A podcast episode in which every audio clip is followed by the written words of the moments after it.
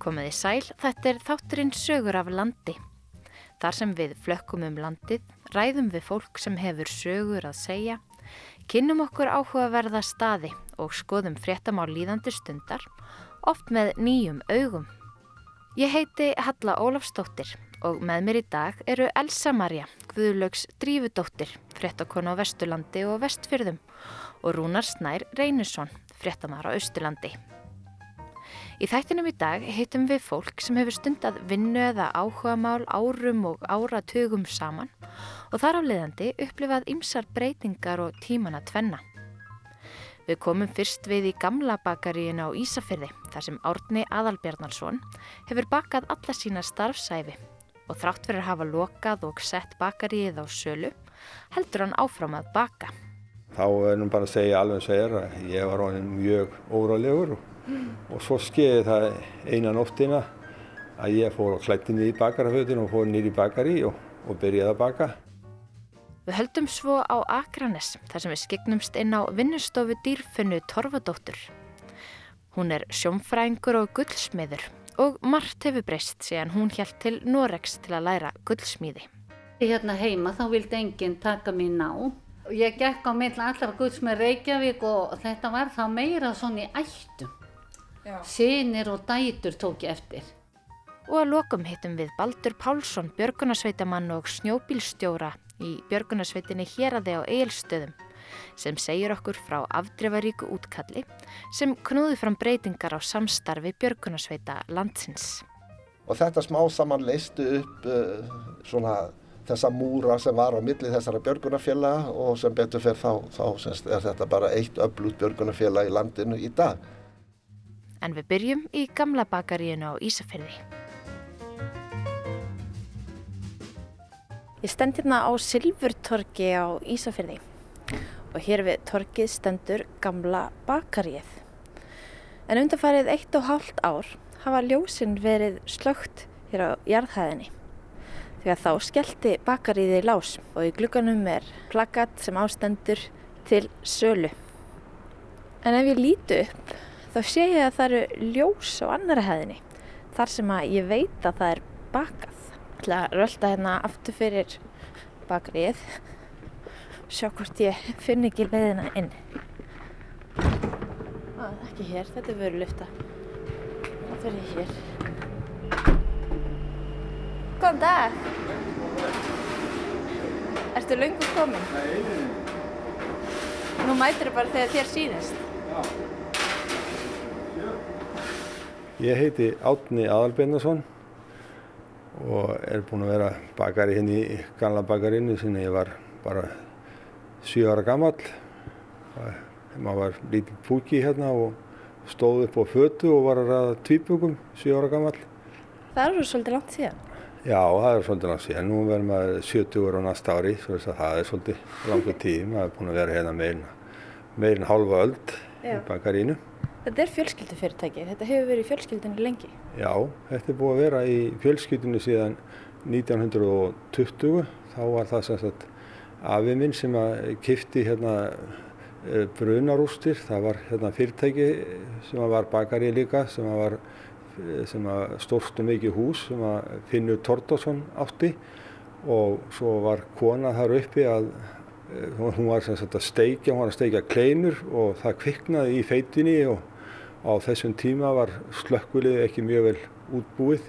Þá hlupum menn með skjóður út í sjó og, og heldu upp í slökkviliðsbílinn en það döði náttúrulega skamt. Húsi brann alveg til kaldra kóla. Hefði verið gammalt timpurhús? Já, gammalt timpurhús og, og hann sagt, kifti brunarústinnar og svo byggðan húsi sem var hérna fyrir aftan sem var baka í.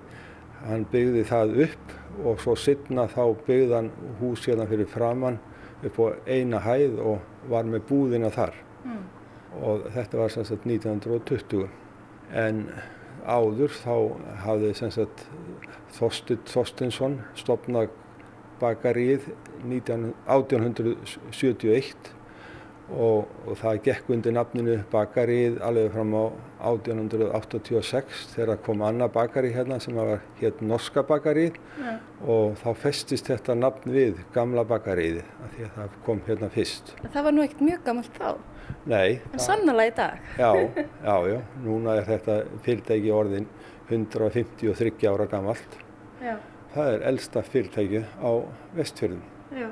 Þú byrjar hérna sjöra En þá varstu ekki með Já. mikla ábyrð? Nei, ég var ekki með mikla ábyrð. Þá var fæðið mér hérna með mér og svo fór ég, vann ég hjá honum alltaf á sumrin og svona eins og gengur að gerist. En svo 16 ára þá fór ég á samning hjá honum og var hjá honum samning í stuttan tíma því hann svo dó hann árið sittna, 1970 og þá fekk ég annan mann til að skrifa undir og var mistari minn síðan. Hann hétt Bæring Jónsson, hann hafði lært hérna í Galabækarinu tengda pappi hans hann hafði unni hérna í Galabækarinu sem hétt Hans Hessler og var fyrst í bakarinn hjá Tryggva Jókisinni sem var afi minn. Og hann var sem sagt bróðir ömmu minnar og var þjóðveri Já, hann hefur þá komið með sínar hefðir hérna og hingað inn á Ísafjörð? Já, já, hann, ég er alveg klára því að þessi stollen jólabröð og, og nabulónskökur og hann var mikið í salgætiskerð, gerði hérna páskaegg og, og, og brussugur og svona sem var mjög mikið nýnæmi á þessum tíma og var mjög einsalt og kom með einhver tæki sem hann hafði séð út í Þískalandi og hann var alltaf ungur strákur þegar hann kom hérna, hann var fættur 1800 98 var hérna, var rétt rúmlega 20 þegar hann kom hérna mm -hmm. þegar afi minn er hérna Já. og, og hann var semst ekki bakari en hann var semst frangandastjóri og svo eh, eftir hann þá kemur eh, faði minn og fer að læra, fer út til Kaupmannahafnar og fer að læra þar og svo hafði hann eins og margir aðrir þegar við hýrt tala um tífóli í Kaupmannahöfn og þar hittir hann unga stúlku bara rétt eftir hann komið hann inn og það er þess að móði mín og svo koma þau hérna tilbaka 1950 og svo var hún hérna, ég og hún og ásand náttúrulega fleirum hérna sem hafum baka hérna síðan. Ja. Og, og hvernig tekur þú við ábyrðinni? Já, ég er náttúrulega vann með móðu minni því að pappi dó náttúrulega 1970 ja. og ásand, uh, það var náttúrulega fleiri bakara hérna, við vorum allt upp í 12 manns að vinna hérna og Ég var náttúrulega mjög heppinn, hér voru alltaf mjög duglegir bakarar með mér og, og starfsfólk. Sérstaklega minnist maður náttúrulega á konuna sína því að hún var hérna ung stúlka, hérna 17 ára að vinna hérna í búðinni og, og svo svona svolítið setna þá bauði ég henni á ball og súundafyrði og, mm -hmm. og við höfum verið sagt, saman síðan. Já.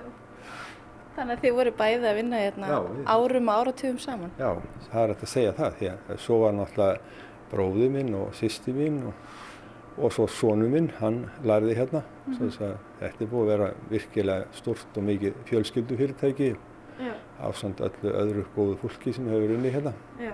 Við erum núna á annari hæð bakarísins. Hvennar bættist þessi hæð við og, og þetta stækkaði svona?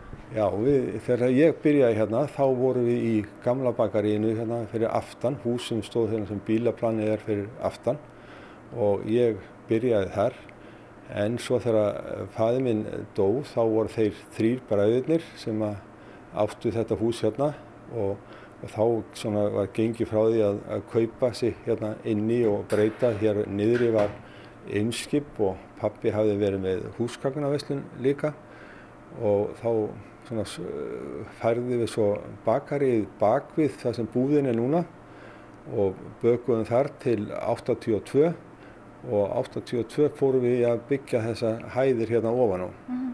og það var náttúrulega svakalögur kraftur í Ísafyrði á, á, á þessum tíma hér voru tvö stór fristihús og hér voru fjóra rækjuvesmiður og mikill uppgangur á Ísafyrði Já. og ég var það stór huga að ég ætla að hafa brauðgerðina hérna upp á annara hæðinni og kökugerðina upp á þriðju hæð.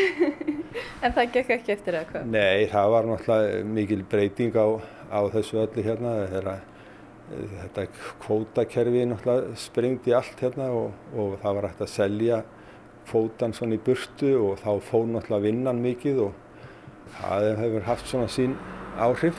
Já. Við sjáum náttúrulega söguna úr verbúðinni, hvernig þetta var hægt að selja vinnuna í burtu frá þessum stöðum Já. sem er náttúrulega algjörlega synd og þarf endilega að fara að laga eitthvað. Mm -hmm. Bara í Ísúsfjölanu varu yfir hundra mann sem vann þar mm -hmm. og svo náttúrulega allir heisi tógar hérna, alla vestfyrði hérna, þetta fór allt saman hérna ja. þegar komið ríkir menn og gáttu kift vinnina svona í burtu frá fólkinu Já. þetta var náttúrulega ekki nógu gott Nei.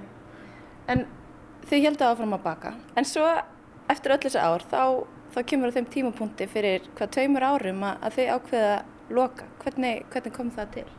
Já, það voru svo að ég get nú ekki neyta því að ég var nú ekki alveg á því en, en svo að fjölskyldan kom sér saman með þetta en nú er einhvern tíman er þið endapunkturinn að, að vera og, og þau, þeim fannst að vera núna.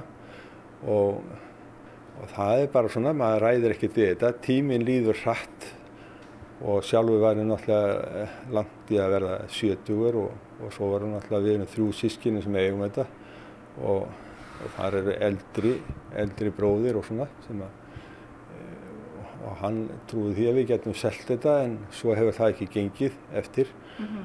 og ég var náttúrulega orðin svolítið órulegur út af þessu og, og svo heima hjá mér þá þá er nú bara að segja alveg og er að ég var orðin mjög órulegur og, mm. og svo skeiði það eina nóttina að ég fór og klætti niður í bakarafötun og fór niður í bakari og, og byrjaði að baka og það var nú þannig að ég mátti nú alltaf reyfa mér í rúmunu þá vaknaði konan og, og held að ég væri að fara í bakari en ég var stoppaður af en svo komst ég einan óttina og, og ég hef alltaf ekkert stoppað síðan. Nei.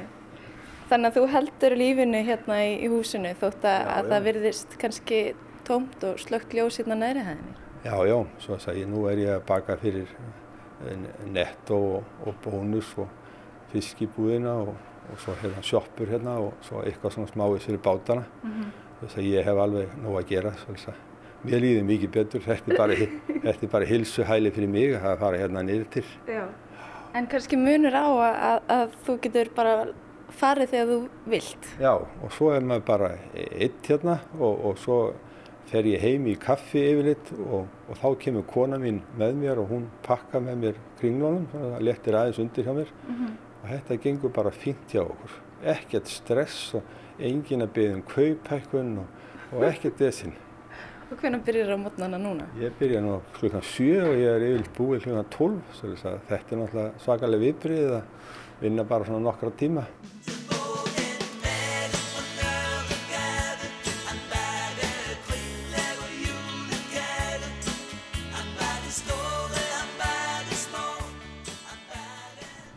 Ert að baka núna? Nú er ég að, að taka upp úr pottinu hérna kringlur sem ég var að hræra. Já, við heyrðum með mitt í vilina á það. Eitt það vinsalasta sem ég geri það er kringlunar. Við erum alltaf alveg fræðið fyrir þessar kringlur. Já, Hva, af, hverju, af hverju eru það svona vinsalar? Já, það er, þetta er lein, leinu uppskrift sko. Þetta er svo Coca-Cola. Það er það fyrir. Já. En Þegar þið settuð bakarið á, á sölu, voru þið tilbúin að gefa leinu uppskriftina með? Já, það átti alltaf að fara með, svo að það er... Og það stendur enn til bóða? Já, já, það stendur til bóða. Já. Það er svona aðeins bara að spyrja um bakarið núna. Ég, getur nú vel verið að það seldist í sumar. Það hefur náttúrulega búið að vera þetta COVID, það hefur náttúrulega haft svolítið mikil áhrif. Hér eru náttúrulega miklir möguleikar því að Hér væri hægt að gera íbúðir hérna upp á efri hæðinni ef mönnum finnst þetta að vera á stort og, og færa svo bara bakari í niður. Svo er náttúrulega kellari undir öllu og þar verður hægt að gera hilmikið eh, hérna. Það verður hægt að vera með biljart og allt hérna niður í kellarónum. Þú ert búin að hugsa þetta alveg? Já, já, og hér er lifta sem að gengur niður og getur flutt vöruna, tekur 1,5 tonn. Það er hilmikli möguleikar á því að svo er þetta náttúrulega svo góðu staðir hérna við torkið. Mm -hmm mikið líf og, og svona. En ég sé fyrir mitt liti, ég legg náttúrulega svolítið miklu ásláði að verði hérna bakari því að það er alveg hægt að reyka hérna eða bakari eða matsölu og vera kannski að baka hérna bakvið en gera náttúrulega bara eins og þeir vilja. Já. Mér er sagt að COVID sé eitthvað að lagast og þá, þá vonum við það besta bara. Já, þú, þú ert að veiða þetta upp úr hérna risastóri hrærivél. Já, já. Þú ætlar að vefja úr þessu kringlu. Viltu að sína mig hvernig þú gerir þetta? Já. Hvað ætlar að gera marga kringlur úr þessu? Það verða 500 kringlur eitthvað svo þess. Já. Og ert alltaf að baka það sama dag eftir dag? Eða skiptir þú... Nei, svo baka ég hertakringlur. Hérna, hérna var ég að blanda í rúbröði. Já. Það hafi líka verið mjög vinsað. Ég hef selt mikið af jólakökum líka, bakað mikið af jólakökum. Hvað ætlum hún sé búin að vera hérna lengi þessi vók? Hún er búin að vera hérna í, það hefur verið 70-80 ár held ég. Nú fer þetta inn í svona brekkvél og hún skiptir þessu í 30 parta.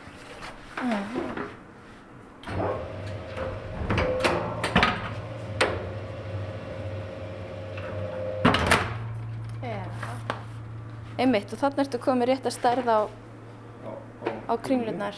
Og hvað er, hvað er þetta? Svo er þetta hérna, hérna uppsláttuvélinn og hérna slægi upp bröðunum. Þetta er hérna 34 hérna. En hvernig var að vera bakari öll þessi ár?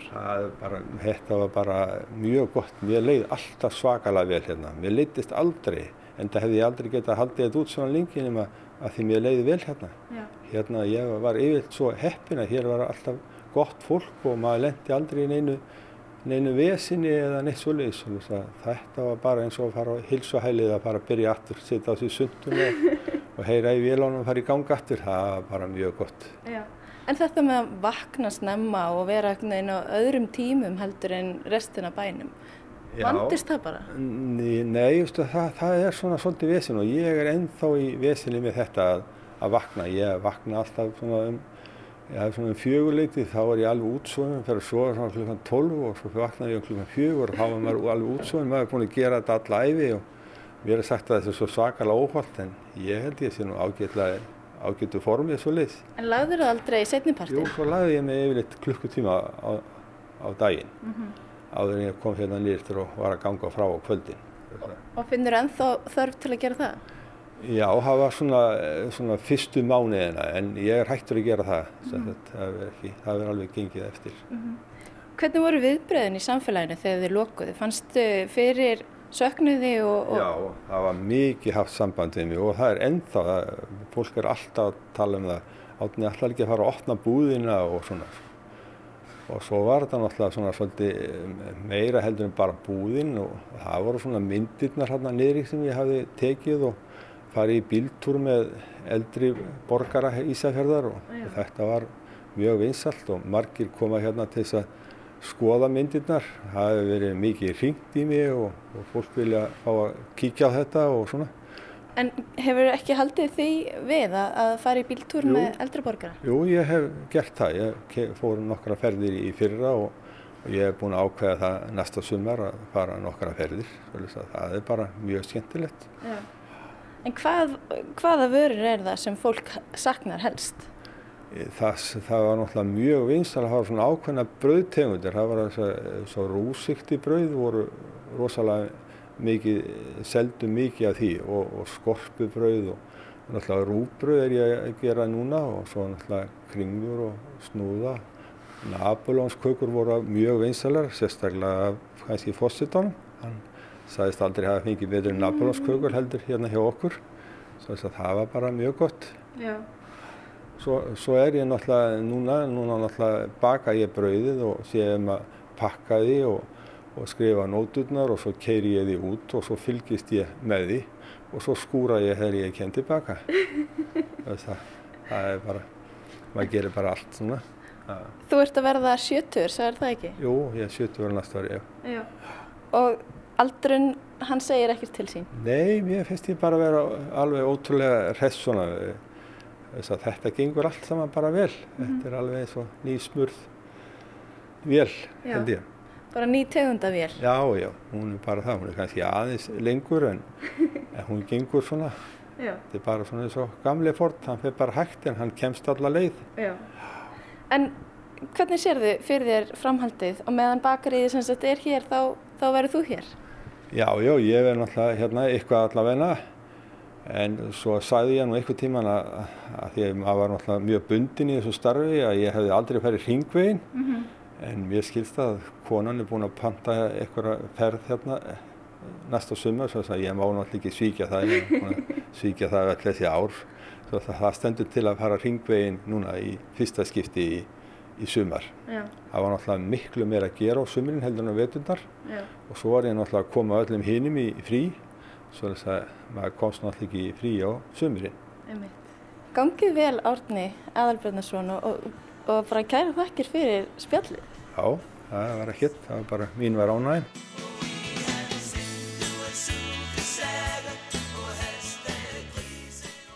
Þarna heyrðum við í Árna Aðalbjarnarsinni, bakaramestara sem hefur starfað í gamla bakaríinu á Ísafirði í á sjöunda áratug. Þrátt fyrir að bakaríinu hafi verið lokað er Árni ekki hættur að baka. Og frá Ísafirði höldum við á Akranes en missum þó ekki alveg tenginguna vestur. Á Akranesi finnum við gullsmiðin og sjónfræðingin dýrfunnu Torfadóttur.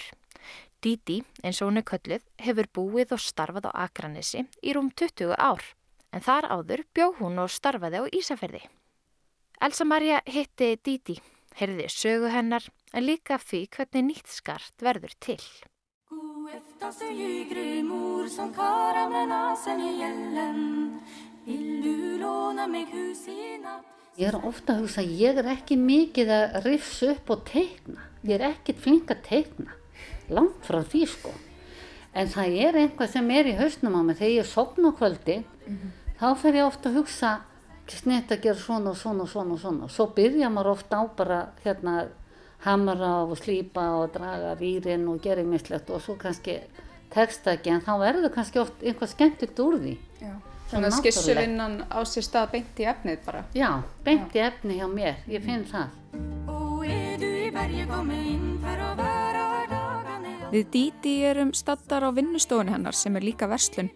Allt í kringum okkur er skart sem hún hefur búið til úr eðalmálmum og steinum en líka róði, fjörugrjóti og hrossári. Hvað kom til að þú valdir gullsmíðar og þá sjónfræði? Já, sko það mér fannst vanta, sko á, ég hefði alltaf áhuga að fara í sjárútsfræði. Já. Það kom til greina, þá var fiskvildaskólinn, þá var ekki komið inn í háskóla. Og ég sótt um það í fiskvildaskólinum, það var opbóðslega umsók, margir sem sótt um sérstaklega landsbygðinni og svo, það, ég komst ekki inn þar. En ég sendi reyndar engi meðmæli og þegar ég sagði ná vexturum minna sem nú látin að ég hafði sótt um og, og væri hálf fúla að ég ekki komist inn að því ég var búin að vinna í fristúsi öll sumur Já. og með skóla og svona og hann var ekki kátu með það og hafði samband við skólastjóran og þeir ætlaði að hleypa mig inn og ég sætti ekkert vilja fara í fiskskóla fiskmyndaskólan fyrst ég kæmist ekki inn á eigin fórsendum Mm. svo þá sá ég auglýsingu að vera auglýst eftir guldsmið í Noregi þá var ég 19 ára og ég sóttu um og var svo heppin að komast þar að það voru átján sem sóttu um en ég var eina sem var að landsbyrn og þetta var 300 manna bæjarfélag Já. svo það kom sér vel að vera landsbyrtúta þá og ég var ráðinn þar og klárað þá guldsmenna þar Mhm. fór svo til Akureyra og þurfti að taka meistarapróf og klára meistarapróf hjá Pétur Breiðfjörð heit, heitinum á Akureyri.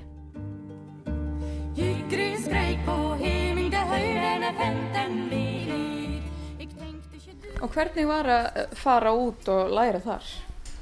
Mér fannst alveg æ, æðislega notalegt. Sko ég ákvað að fara til Noregs vegna þess að afi minn bjó í Lillehammer.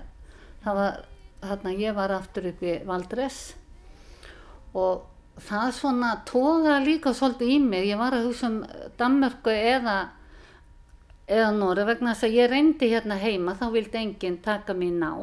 Það er svo skrítið, hvorki svo hlaupa minn í skóla eða, Ég, gekk á milli allar guðs með Reykjavík og þetta var þá meira svona í ættum. Já. Sinir og dætur tók ég eftir. En ég ætlaði nú ekki að gefast upp og, og sótti múti og var þetta heppin. En mér fannst bara, sko, á mínum þessum tíma, 75, þá þótti þetta bara svolítið djart að fara út. Ég man að fólk var að vinkonu mínu sem ætlar að fara einu og ætlar að bara fara bara einhver auglýsing, þetta getur verið einhver sko bara maður sem var ekki hægt að treysta og svona, jú ég læt bara slagstanda og fór og mér líka mjög vel að núti. Þú varst ekkert stressuð að fara? Nei, ekkert. Ekkert svolis. Mér fannst þetta bara, bara, var bara ákveð, ég var alltaf á- frekar ákveðin. Já. Og hvernig gekk í náminu? Hvað voru ykkur svona helstu áskoranir? Nei, ég var engungu, það var svolítið skemmtilegt, þegar ég var í Norrið þá var ég engungu í þjópunningasölvi, norsku þjópunningasölvi. Og hann var mjög, hann Knút Fossen Helle, mjög þekktur þarna úti sem ég vissi ekkert fyrir og var alltaf að koma einhverju svona bladamenn og, og hafa sp- spjalla við hann og svona vegna þess að hann var að smí- smíða þjópunningasölvi fyrir konusjölskylduna og akkurat á þeim tíma og ég á, svo, þá varum að gera stokkabelti fyrir hann og ég á aðeins í því sko. Einmitt, þú Ná, átt í Sonju, konunglega- já. Já, já, já. og þá var komið, komið sjónvarpið og viðtal við hann auðvitað, aðamadurinn en ég fekk aðeins að vinna í því búið til krúsinir sem ég kalla. Já. Og vinni En hvernig var einmitt kynjaskiptingin í þessu námi? það var sko, það var nú það voru ekki marga konur þegar ég byrjaði. Ég gæti trú að hafa verið svona fjórar en nú er meiri hlutin konur vegna þess að þetta frekar lálauna starf og það er svo einkennlegt þá sækja konur eða þeim hleyft meira að. Ég myndi segja að núna væri kannski það sé ekki bara svona svipa hlutfall núna. Já. jafnvel fleiri konu, ég hef ekki alveg töl á því sko. En var, var ekkert erfitt fyrir konurnar að reyðja sér til rúms í gullsmiðinni? jú, það var, mér fannst sko, mér fannst það og bara líka í í optíkinu sko. Því mann eftir því að, að þá sko, mér fannst það svona mjög erfitt að þá voru þessi sem voru vanir að fara optikun út í Reykjavík fara vestur og fyrði þá fann, og ég fór bara alveg, maður þurfti að fara bara í söluferðir, alla vestfyrna og þegar ég fór úr Patrísfjörð þá mættu þeir líka á Reykjavík og voru ekkert alveg rættu við mig um það að ef ég tæki bara Ísafjörð, semdi þannig að ég tæki bara Ísafjörð og þeir fengi fyrðina og ég sagði nei, ég ætla að þjóna mín, mínu fólki, ég er komið vestur til að þjóna mínu fólki. Og svo enda með því að þeir gáfust upp. Já. Þú stóðst först fyrir? ég var alveg först fyrir þar.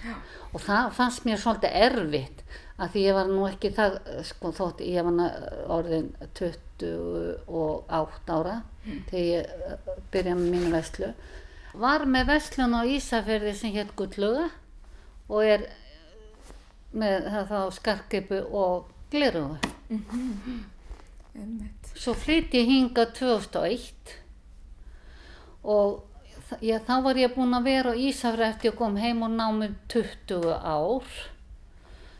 E, svo núna er ég akkur búin að vera 21 ár, þá er spurning hvort að sé komið fyrringu í mig að fara eitthvað annað, ég held ekki. Ykkur lengir ekkert vestur aftur? Jú, Já. ég get alveg hugsað með að vera þar. Fóreldra mín er á lífi og eitt bróður minn þar. En mér finnst samt mjög gott að vera hérna, fólk tók vola vel á móti mig hérna. Já. Alveg frá fyrsta degi sko. Já.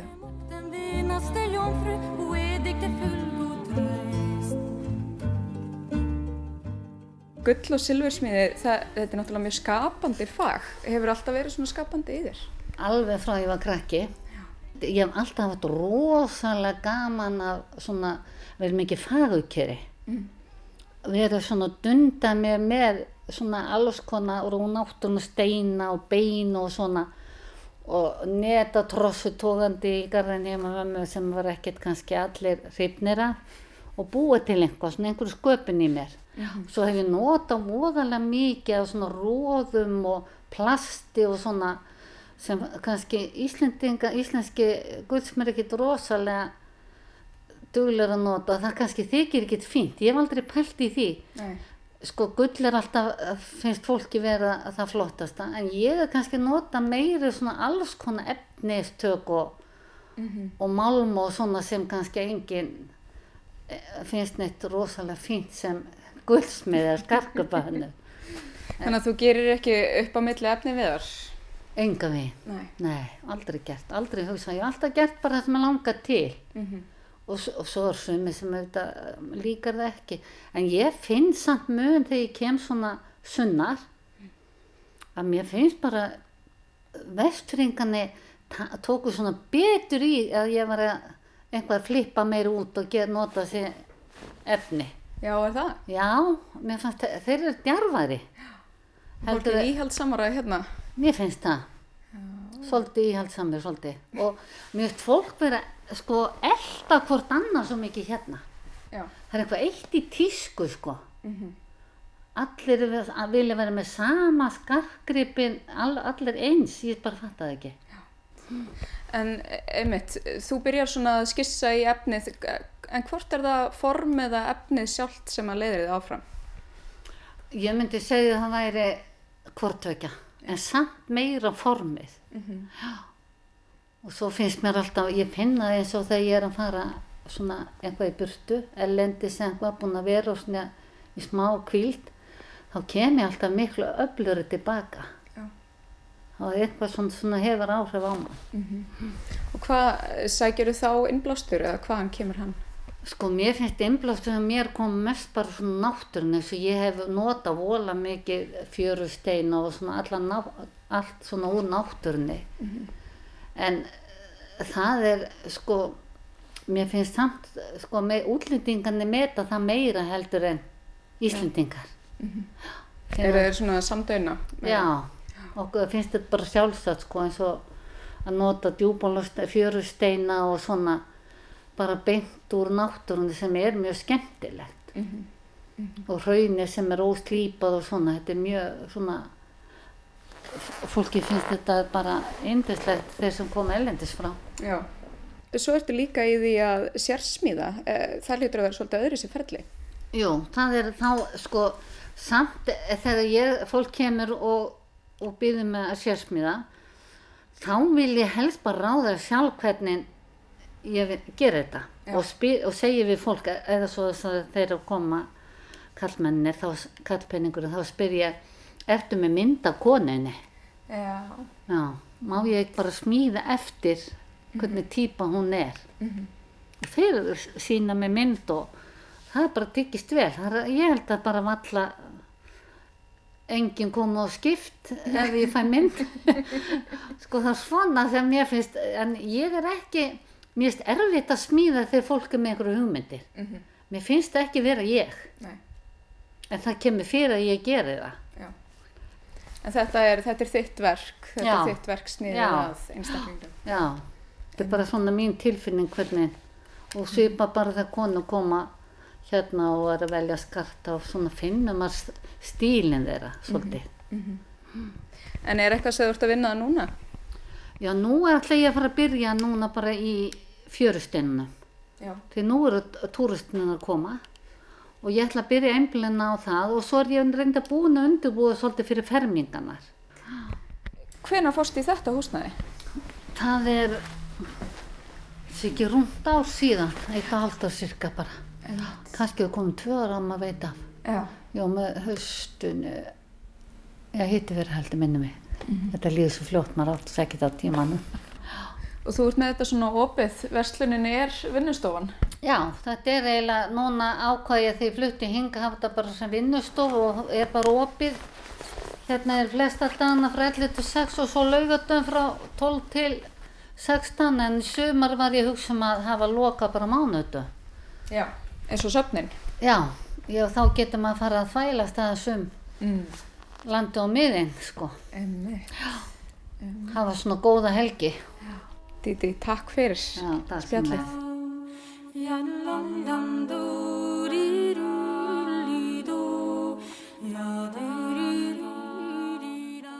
Þarna heyrðum við í dýrfinu Torfadóttur, eða Didi, sem sað okkur frá þeim tíma þegar hún hóf námi gullsmíði. Og þegar karlar voru í meiri hluta í fæinu og nýliðun fáhyrð, heldur gekk fæðið frekar í erðir. Þar sað hún okkur frá því hvernig nýtt skart verður til. Elsa Maria Guðlaugs Strífudóttir talaði við hana. Og þá vindum við okkur austur á land.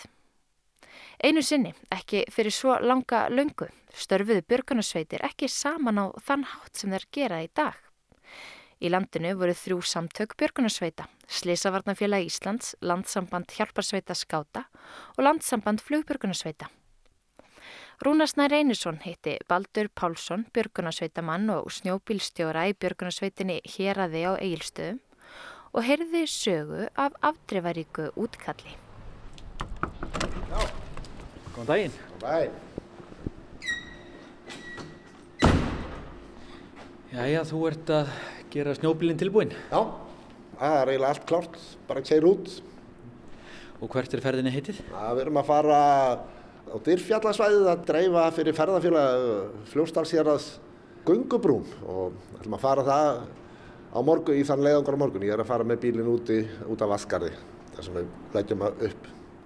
Já, þessi snjóbíl er, er á Hellund gerð og, og hérna hjálpa sér skáta hér á Fljósdalsjörði átti þennan bíl um, og eftir að þær björgunarsveitur voru saminnaðar hér á Fljósdalsjörði á sínu tíma þá, þá höfum við alltaf gert þennan bíl út og erum núna búin að, að gera upp annan bíl alveg algjörlega frá grunni sem er alveg eins og er svona hraðskreiðari og, og svona og betur útbúinn, hann er ekki alveg klár og við notum þennan í svona verkefni sem tilfalla og líka við fórum á honum álæðis á Vatnajökul núna en daginn þegar var verið að leita á Vatnajökli.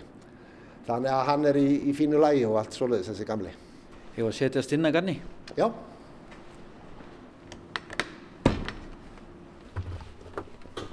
Má stíga á beltið?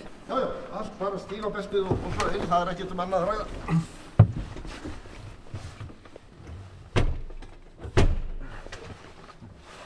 Já, og þessi snjóbílar, það, við sumar aðstæðar, þá kemur ekkert í staðan fyrir svona snjóbíl. Nei, nei, það er nákvæmlega þannig. Það er ekkert langt síðan að við þurftum að fara á þessum bíl yfir fjardarheiði um, og sætja sjúkling á Seðisjörð til dæmis. Og það var mjög erfið ferð. Við vorum hefnir þá að vera með hérna annan snjóbíl í næsta húsi hjá Landsnett sem er með tönn og gætt færið á undan og laga niður brekkurnar í, í Seðisjörði. Þannig að stundum er ekki að takta nota nema þessa, þessi tæki.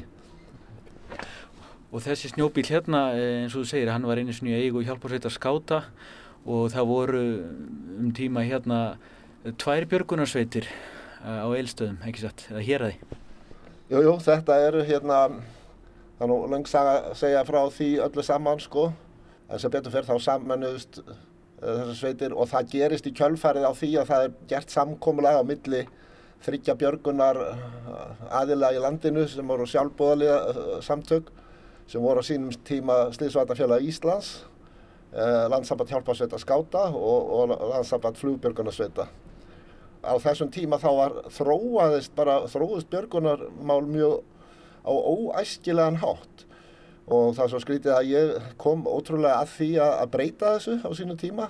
Því að við hérna, vorum kallaðir út hér 1986 minnum mig þegar maður hrapaði nýri í sprungu suður á Kverkvallarhygg og þá var ég nýbakaður formaður hér á Fljósdalseraði og hérna svo kemur þetta útkall og ég vissi ekkert af því og við hér, við vorum ekki kalluð út.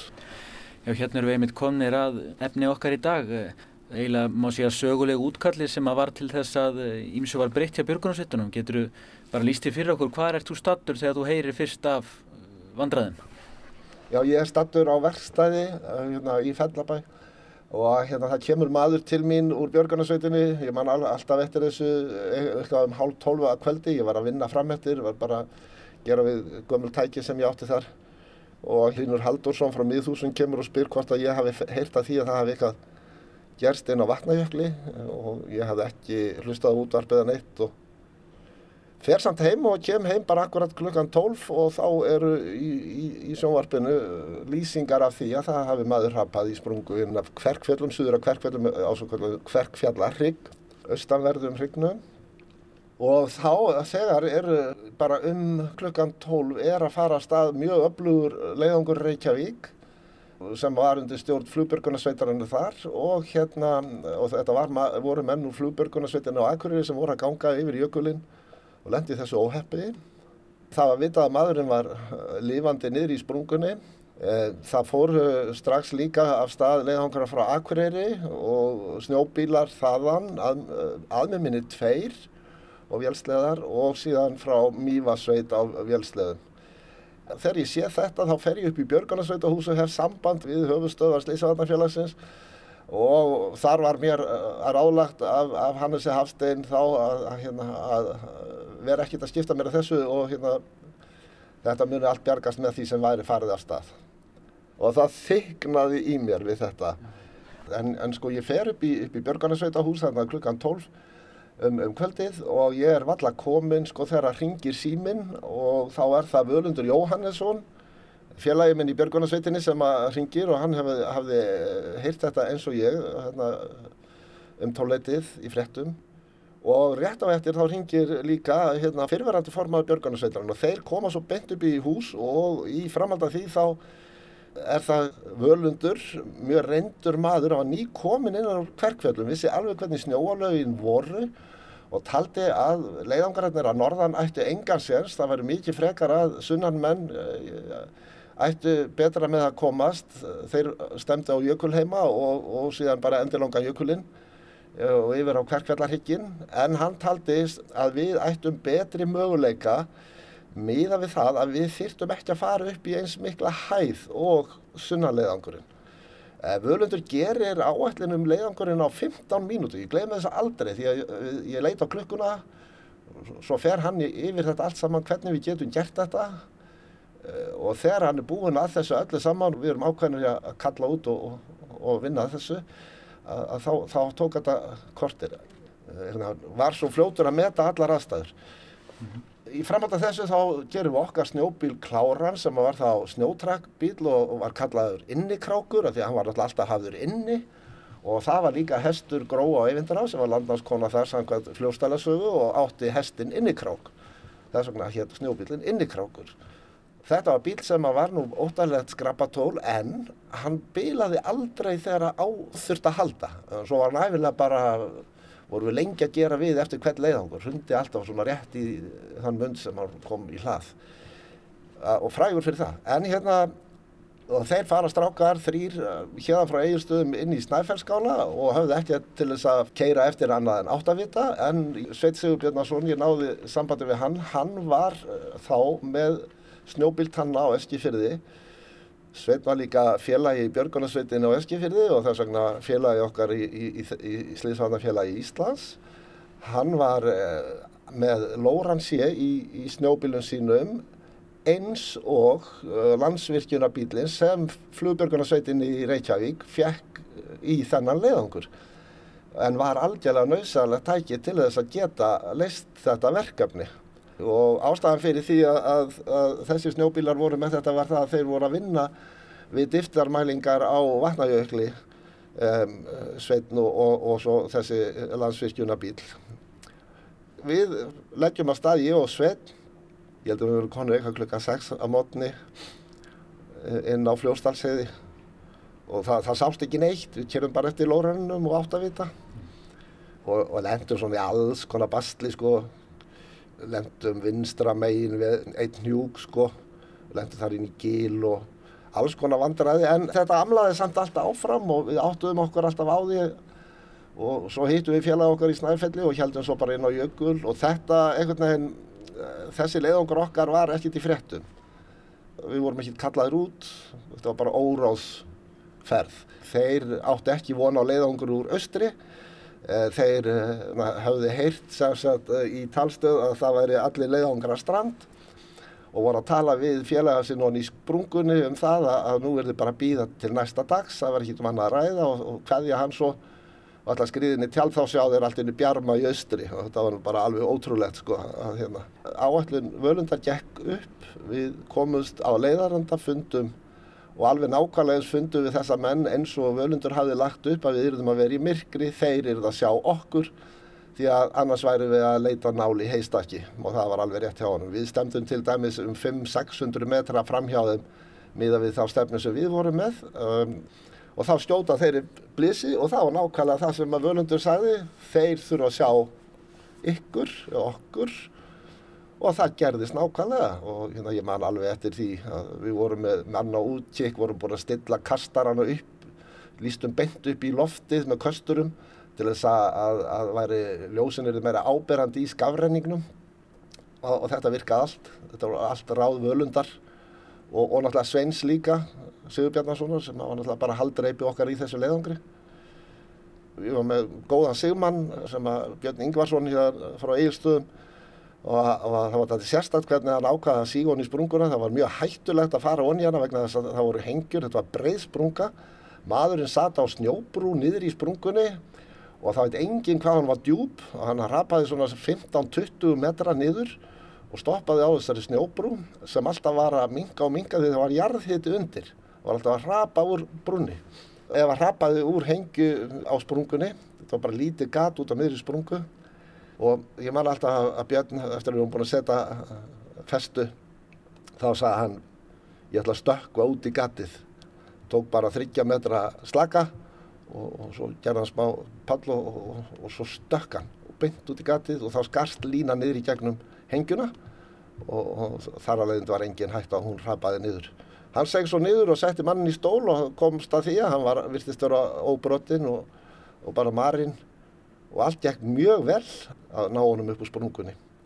Síðan heldum við að stað tilbaka með smá viðkomið, það voru fjóri bandaríkjamenn einhver stað sem hefði verið settir út í þyrlu, við ætlaðum að helst að taka þá með okkur bara. En svo fórum við nú að reikna út bensin og oljubyrðir á, á snjóbílunum. Og þá var ákveðið að eigða ekki tíma í, í leita þeim en það var talið að það amaði ekkert af þeim. Og það sem kom svo algjörlega óvart var það að þegar við þreytir og sifjaðir komum út á fljóstalsheiði þá rákum við upp stóru auðu þegar við sáum fjölda bíla og rútu og taka mót okkur. Og þá var allt einu komið, allt fjölmiðla fólk landsins frá öllum dagblöðum og, og sjómarstöðum tveimur og og spyr og spyr og ég algjörlega óvanur aldrei lendi viðtali nokkur staðar og þarna segi ég einhver ógætileg orð. Og þetta lendi mjög illa í þessum forsvarsmönnum þessara þryggja björgunarfélag þar sem ég stilti þessu upp að það væri orðið kapplaup við það björga fólki. Og sumir væri ekki teknikgildir eins og við fyrir austan, við vorum aldrei kalluð út. Og við tókum ákvarðunina sjálf um að fara með þessum árangri. Og það yrði að breyta björgunarkerfin í landinu. Og aðalfundur Slísavatafélags Íslands var haldinn vorið eftir á eigilstöðum og þar var gríðarlega hörð umræða um þetta allt saman. Og það voru ymsir sem að sko rísu upp og sagði að ég væri nú bara svona örugluttallur en þá barst mér óvæntu liðsauki. Því að mér minnir að vera morgunblæði sem kallar í, í þá framkvæmtastjóra almannavarna ríkisins og byður eh, hann um álit á þessu sem ég er að segja og þá, eh, hérna, þetta var Guðjón Pettersen og hann tekur undir hvert orð sem ég segja og segir bara að þetta sé að stefna í bara mjög slæm átt og það þurfi að koma á samræmdu skipulagi, leitar og björgunar á landi. Þetta var alveg rosalega magnað. Mér minnir að, að forsvarsmenn þessari björgunarfélaga hafi verið látni skrifa undir vilja yfirlýsingu um það að, að, að vinna að, að þessu samkomlagi eða, eða skipulagi og það var held ég 28. november um, sama ár er undirritað samkomlag um leit og björgun á landi milli þessara þryggja aðila. Þá áður búið til svæðistjórnir og, og landstjórn björgunarsveita og þetta smá saman leistu upp uh, svona þessa múra sem var á milli þessara björgunarfélaga og sem betur fyrir þá, þá semst, er þetta bara eitt öflut björgunarfélag í landinu í dag. Þannig að, þetta, þetta voru mikil örlög hjá mér sjálfum, ótrúlegu tími.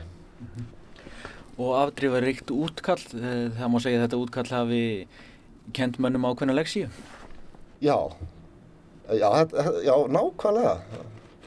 Þetta var mikið leksíja og, og miklar afleðingar og enn góðar. Takk fyrir að rifja upp þessa svæðilför og, og, og hvernig þessum málum var háttað. En nú þarf þetta að fara að drífa þig á snjóbílum svo að hægt sé að koma gungubrúm fyrir við Dyrfjöll á leðin í Stórhörð. Já, það er nákvæmlega þannig. Þú veitur setja í gang bara. Jú.